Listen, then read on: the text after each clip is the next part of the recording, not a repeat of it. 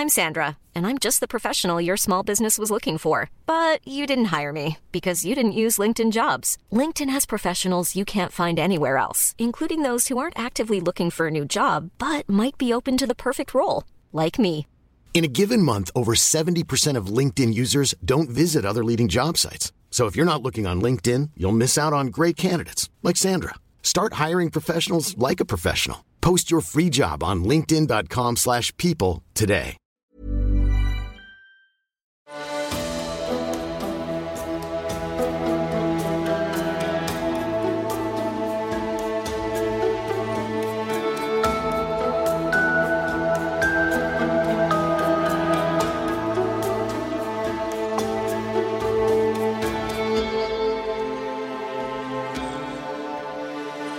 Velkommen til Seriemorderpodden. Podkasten dedikert til seriemordere. Hvem de var, hva de gjorde og hvordan.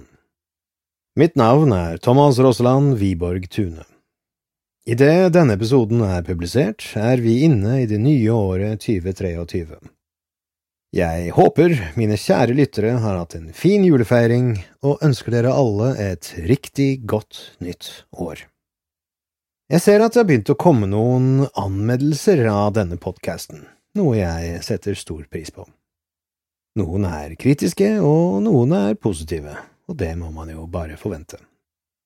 En anmelder er kritisk til at podkasten, i anmelderens øre, høres ut som et hørespill fra NRK på 60-tallet. Til dette må jeg jo bare innrømme at det er eh, litt av poenget. Faktisk er mitt forbilde Orson Wells sitt uh, Mercury Theatre, produsert i USA på 1930-tallet. Noen vil sette pris på min noenlunde arkaiske fortellerstil, andre vil skru av og høre på noe annet. Uansett fortsetter vi i kveld på føljetongen om Dennis Raider, BTK-morderen. Forrige episode ble avsluttet med BTKs brutale mord på Nancy Fox, og i kveld reiser vi videre inn i denne tunnelen av ondskap som tilsynelatende ikke har noen ende. Så bli med meg mens vi fordyper oss videre i saken om en av USAs mest ikoniske seriemordere, hvem han var, hva han gjorde, og hvordan.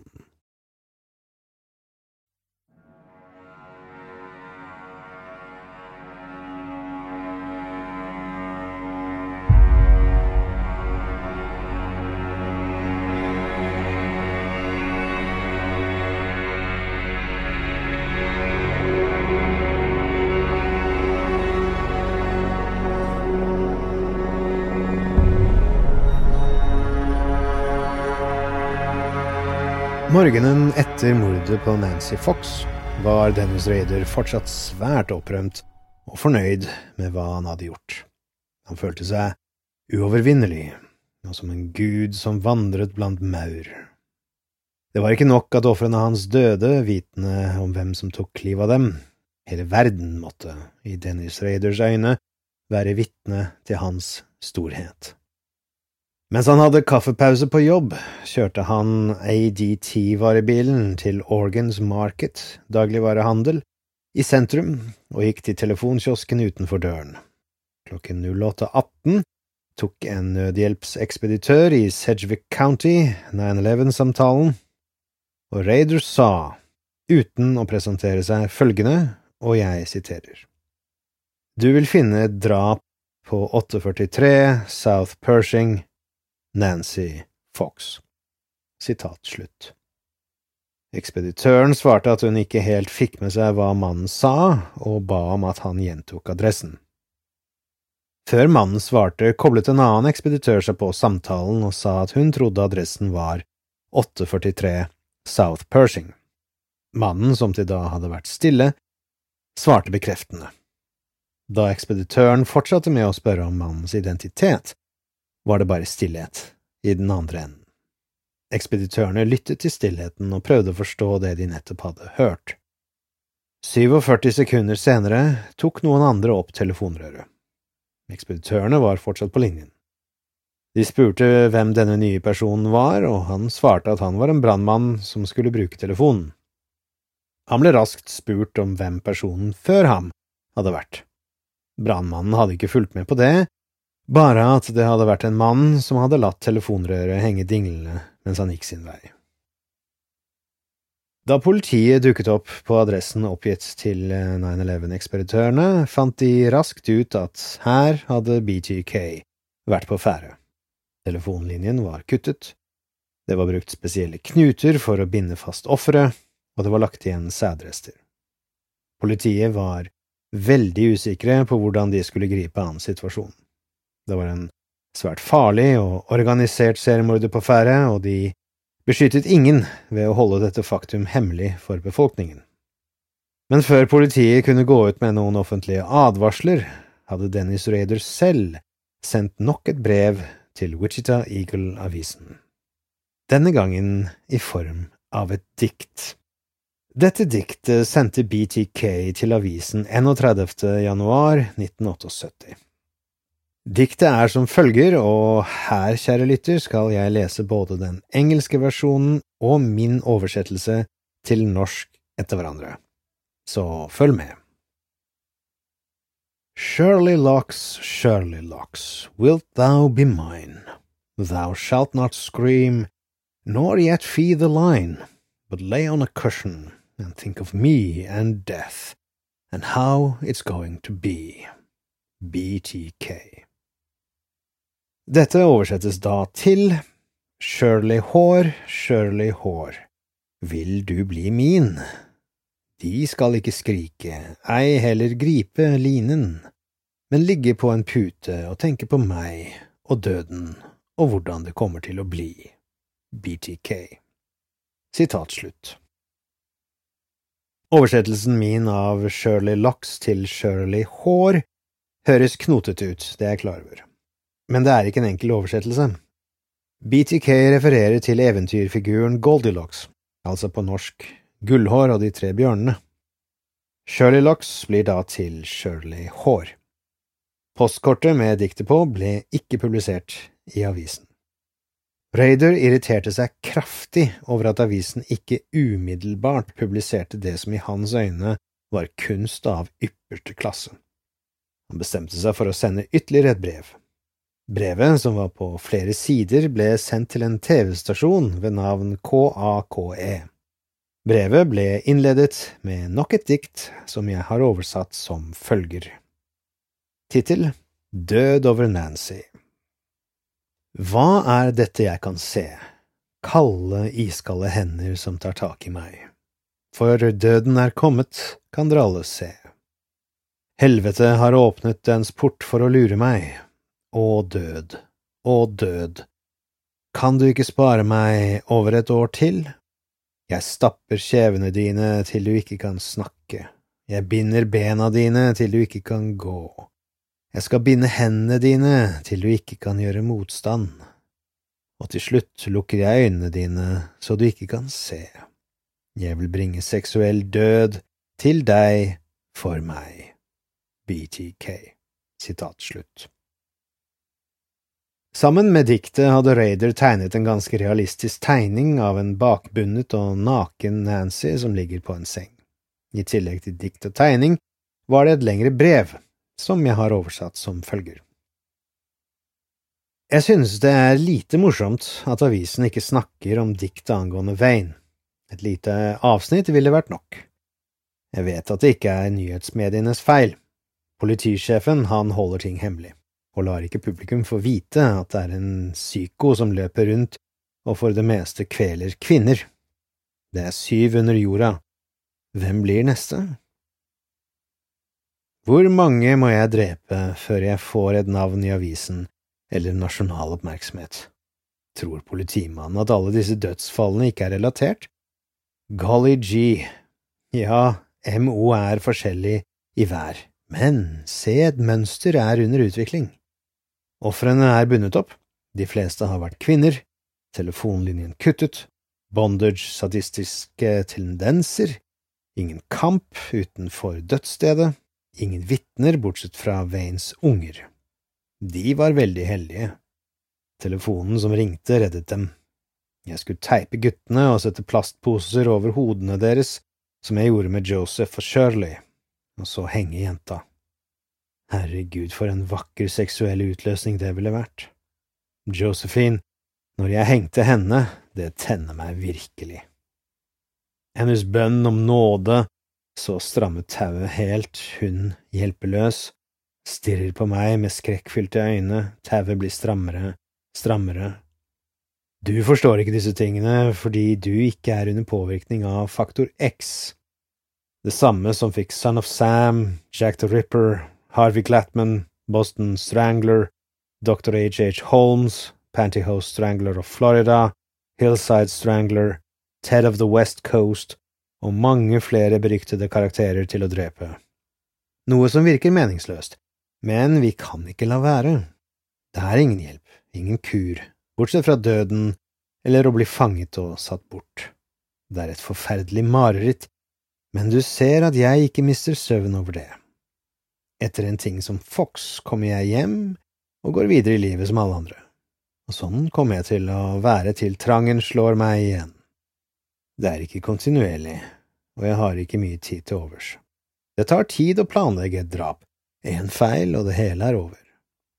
Siden jeg dummet meg ut på telefonen, håndskrift er uaktuelt, brevkode tar for lang tid, og skrivemaskin kan spores også.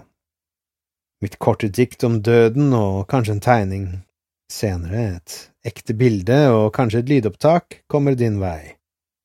Hvordan vil du kjenne meg? Før et drap eller flere vil du motta en kopi med initialene BTK.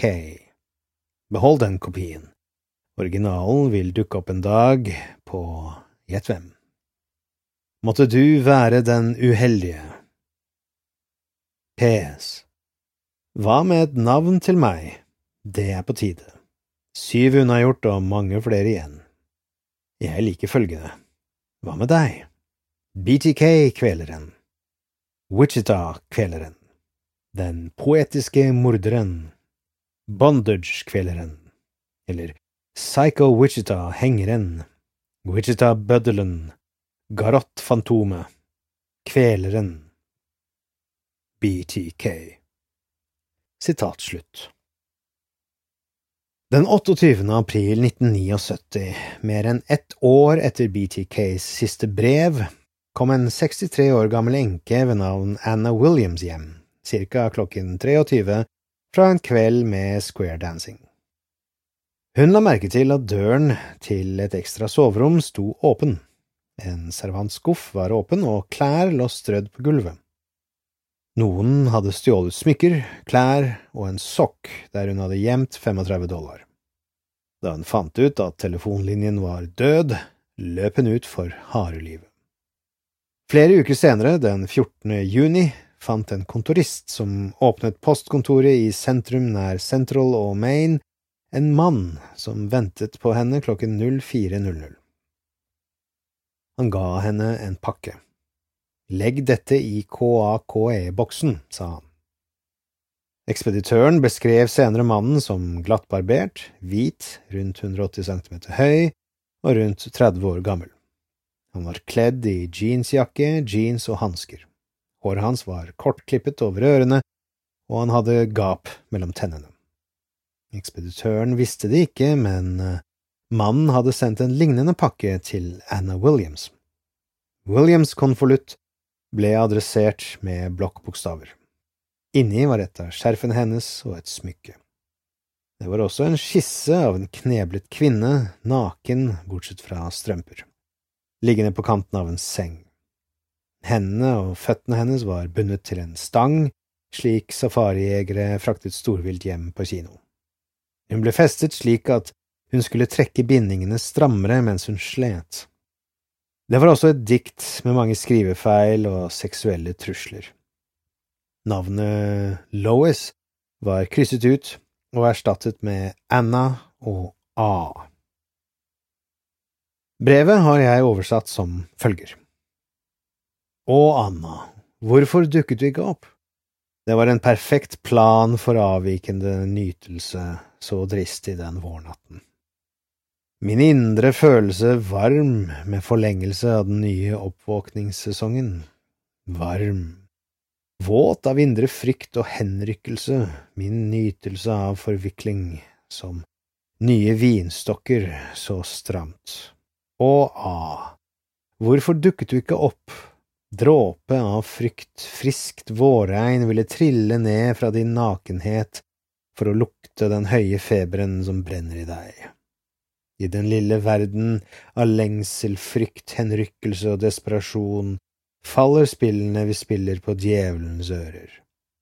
Fantasi springer frem, vokser, til stormraseri, så vinters ro på slutten. Å ah, hvorfor dukket du ikke opp alene? Nå i en annen tidsperiode lå jeg med søte, henrykte plagg på tvers av mine mest private tanker. Seng av vår, fuktig gress, rent foran solen slavebundet av kontroll, varm vind som gir luften duft, sollys glitrer tårer i øynene så dype og klare. Alene igjen tråkket jeg i tidligere minner av speil, og grubler over hvorfor du, nummer åtte, ikke var. Å ah, hvorfor dukket du ikke opp? Sitat slutt. Hiring for your small business? If you're not looking for professionals on LinkedIn, you're looking in the wrong place. That's like looking for your car keys in a fish tank.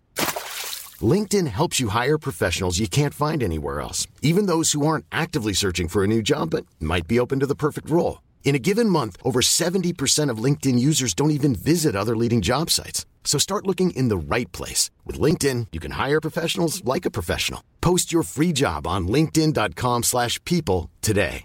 How would you like to look five years younger? In a clinical study, people that had volume added with Juvederm Voluma XC in the cheeks perceived themselves as looking five years younger at six months after treatment. Look younger, feel like you. Add volume for lift and contour in the cheeks with Juvederm Voluma XC. Reverse signs of aging by adding volume to smooth laugh lines with Juvederm Volure XC. For important safety information and to find a licensed specialist, visit juvederm.com. That's J U V E D E R M.com. Not for people with severe allergic reactions, allergies to lidocaine, or the proteins used in Juvederm. Common side effects include injection site redness, swelling, pain, tenderness, firmness, lumps, bumps, bruising, discoloration, or itching. There's a risk of unintentional injection into a blood vessel, which can cause vision abnormalities, blindness, stroke, temporary scabs, or scarring. Talk to a licensed specialist to find out if it's right for you. I tillegg var det en merkelig signatur på bunnen av brevet.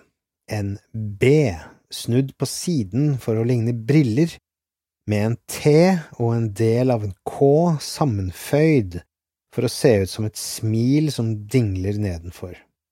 Signaturen var stilisert, som om forfatteren var stolt av seg selv. Det var første gang Raider merket en melding på denne måten. BTK hadde gitt seg selv en logo.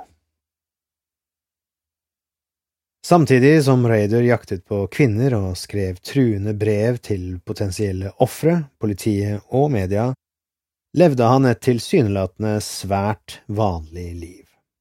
I 1974 fikk han seg jobb i sikkerhetsselskapet ADT, hvor han var godt likt.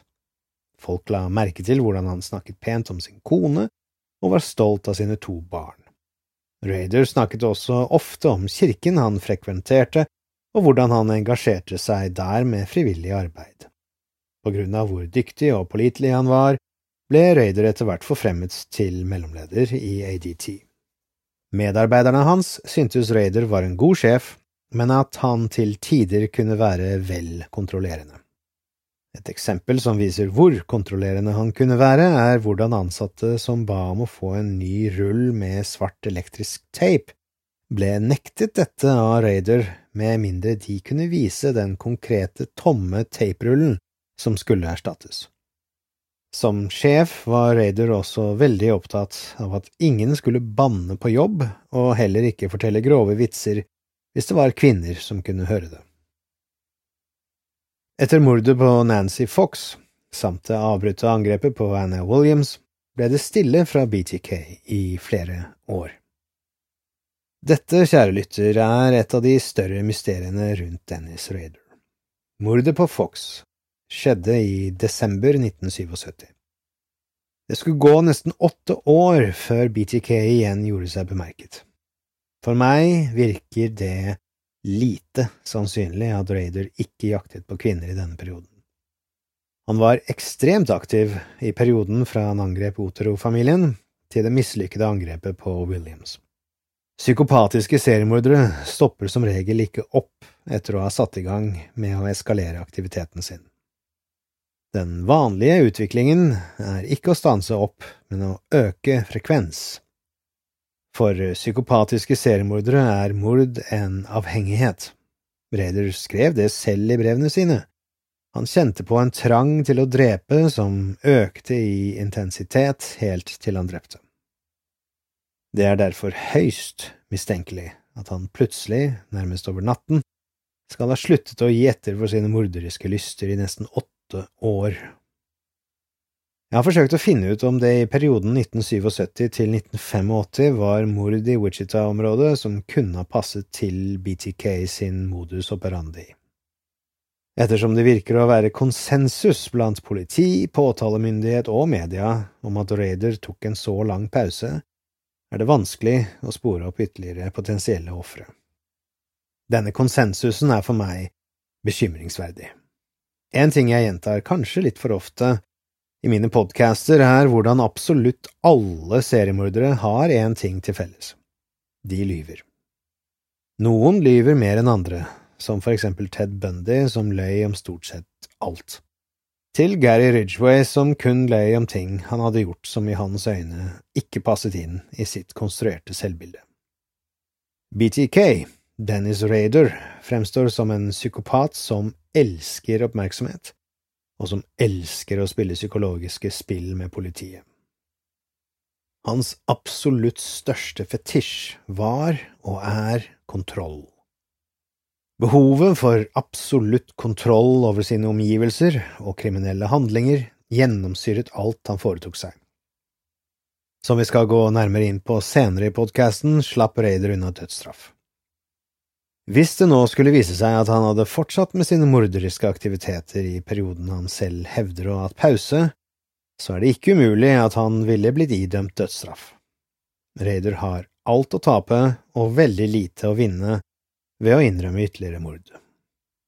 Det er ikke ofte jeg blir genuint frustrert av å undersøke detaljer i en seriemordersak, men i BTK sitt tilfelle har jeg faktisk kjent på både sinne og frustrasjon. Det er både påfallende og lite troverdig måten Raiders påståtte pauser blir trodd på, av i anførselstegn alle.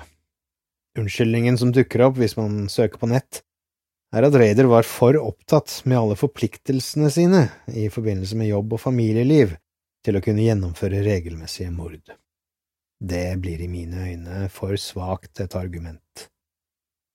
Raider viste gjentatte ganger at han hadde både evne og vilje til å improvisere og gjennomføre nærmest spontane angrep hvis hans opprinnelige plan ikke lot seg gjennomføre. Selve angrepene hans varte som oftest ikke lenger enn to timer, noen ganger kortere. Mangel på tid var ikke en reell hindring, ikke for en psykopatisk seriemorder som Dennis Raider. Et argument som derimot virker noenlunde plausibelt, er at Raider forsto at han var nødt til å ta pauser for å unngå å bli tatt. I pauseperioden fòret han sine mørke lyster ved å kronisk masturbere, samtidig som han ikledde seg kvinneklær han hadde stjålet fra ofrene. Etter hvert som lystene hans økte i intensitet, fant han på mer og mer outrerte metoder å masturbere. Han tok bilder av seg selv i diverse perverse positurer, for eksempel med en maske med lufterør, samtidig med at han er halvveis begravet i en grav med jord ute i skogen. Han lekte også med dukker som han simulerte tortur og drap på. Hans favorittøvelse var å ta et belte rundt sin egen hals og henge seg i det fra et dørhåndtak mens han masturberte. Og nå orgasme samtidig som han var på nippet til å svime av som følge av kvelning, gav Raider en enorm seksuell tilfredsstillelse. Dennis Raider var også gift, og paret hadde et aktivt seksualliv. Før jeg fortsetter, er det viktig å påpeke det innlysende. Dennis Raiders kone hadde absolutt ingenting med Raiders morderiske aktiviteter å gjøre. Hun var, og er, på mange måter en av Raiders ofre. Med god grunn har hun trukket seg vekk fra offentlig oppmerksomhet. Det er dog på sin plass å vie hennes historie litt plass i sagaen om BTK. Paula Dietz ble født 5. mai 1948 i Park City, Kansas, i et religiøst hjem. Faren hennes var ingeniør, mens moren var bibliotekar. Hun fullførte videregående skole i 1966 og meldte seg inn på National American University of Wichita, hvor hun ble uteksaminert i 1970 med en BA-grad i regnskap. Etter å ha fullført graden tok Paula jobb som regnskapsfører, en stilling som hun beholdt hele sitt yrkesaktive liv. Sammen med Raider fødte hun to barn, og utover dette vet man veldig lite detaljer om henne, annet enn at hun var dypt religiøs. Det er ikke usannsynlig at Raider, som kunne være svært manipulativ og overbevisende, overtalte sin kone til å være med på fetisjpreget sex, slik at han klarte å holde seg unna og myrde like ofte som han egentlig tørstet etter. Men som sagt, dette har jeg ikke klart å verifisere. Marine Hedge var ikke mye mer enn 1,52 meter høy og veide knapt 45 kilo. Hun var en 53 år gammel bestemor med en utpreget sjarmerende sørstatlig dialekt. Hun likte smykker, var glad i å kle seg moteriktig og hadde et garderobeskap fylt med sko som matchet ethvert antrekk. Hun likte å lage mat fra bunnen av og lærte yngre svigerforeldre å lage frityrstekte maisboller og steinbit, slik hun lærte da hun vokste opp som Marine Wallace i staten Arkansas. Mannen hennes, som hadde arbeidet for flyfabrikken Beechcraft, døde i 1984 og etterlot henne ensom i huset deres på 6254 Independence i Wichita-forstaden Park City. Hun taklet det å være ensom og sørgende ved å gi til andre, til venner, en sønn, tre døtre og barnebarn. Absolutt alle som kjente Marin, var glad i henne, og hun har alltid blitt beskrevet som et genuint godt menneske. Raider noterte tidene Marin kom hjem og gikk, speidet etter eventuelle menn i livet hennes. Han besøkte til og med kaffebaren på Wesley, hvor han fikk vite at hun begynte på jobb klokken 14 og sluttet rundt midnatt. Det kunne være et dumt trekk å myrde noen som bodde seks dører lenger ned i gata, det var Raider fullt klar over, men han hadde blitt lat i årene siden han hadde forfulgt Nancy Fox og han hadde studert seriemordere og ønsket å håne FBI-analytikernes såkalte visdom. Sannsynligvis enstøinger, sa de, sannsynligvis ikke familiemenn. Ingenting av det gjaldt ham. Nå skulle han bevise at de tok feil igjen. Han ville drepe i sitt eget nabolag, drepe en bitte liten dame som han kjente godt nok til å vinke til, mens han og kona kjørte forbi på vei til kirken. Han kalte planen for å myrde Marin for Project Cookie. Han hadde en ideell plan for hvilket skalkeskjul han skulle benytte for å gjennomføre planen sin. I tillegg til å stille opp på frivillige verv for kirken, var Raider en dedikert speiderleder. På Camp Tawakuni, kanskje 3,2 mil hjemmefra, satte de opp telt. Det hadde regnet, og bakken var bløt. Sønnen hans elsket speideren. År senere fortalte sønnen folk at faren hans alltid hadde vært hans beste venn. I leiren, etter mørkets frembrudd den kvelden, fortalte Raider de andre speiderfedrene at han hadde hodepine, og at han kom til å legge seg tidlig. Så snek han seg unna og etterlot sønnen sin hos de andre guttene og deres fedre. Han kjørte vestover åtte kilometer i retning hjemmet sitt. På en landevei nær Andover, øst for Wichita, stoppet han for å pakke ut drapsutstyret sitt. Han tok av seg speideruniformen og dro på seg mørke klær. Så kjørte han til nordøst, i Wichita. I nærheten av butikkene i Brittany Center parkerte han ved en bowlinghall, gikk inn og lot som han ble full. Han sprutet øl i ansiktet og klærne og ringte deretter etter en drosje. Han la bagen med drapsutstyret på setet ved siden av seg. Karene og jeg har festet, sa han til sjåføren. Jeg trenger skyss hjem. Da de nådde Park City, ba han sjåføren om å slippe ham ut på West Parkview et kvartal øst for Independence. Jeg må gå, sa han til sjåføren, jeg må gå av med denne rusen. Han slurvet talen for å lure sjåføren. Hvis denne turen noen gang dukket opp i en etterforskning, ville drosjesjåføren bare huske at han var en full bowler i mørke klær og ikke speiderfaren som sov i teltet på Tawakoni-leiren. Han betalte sjåføren og vandret gjennom sitt eget nabolag han kunne funnet veien dit i søvne. Han gikk gjennom en park, så gjennom svigerfamiliens bakgård, og så til huset til Marin Hedge. Og med det kommer vi til slutten av den niende episoden av Seriemorderpodden, og slutten på del fire i sagaen om BTK. Jeg håper du har hatt glede av å tilbringe litt tid med meg i kveld. Neste episode, som kommer om to uker, fortsetter vi fortellingen om seriemordersuperstjernen Dennis Raider. Så som de sier i Radioland, følg med.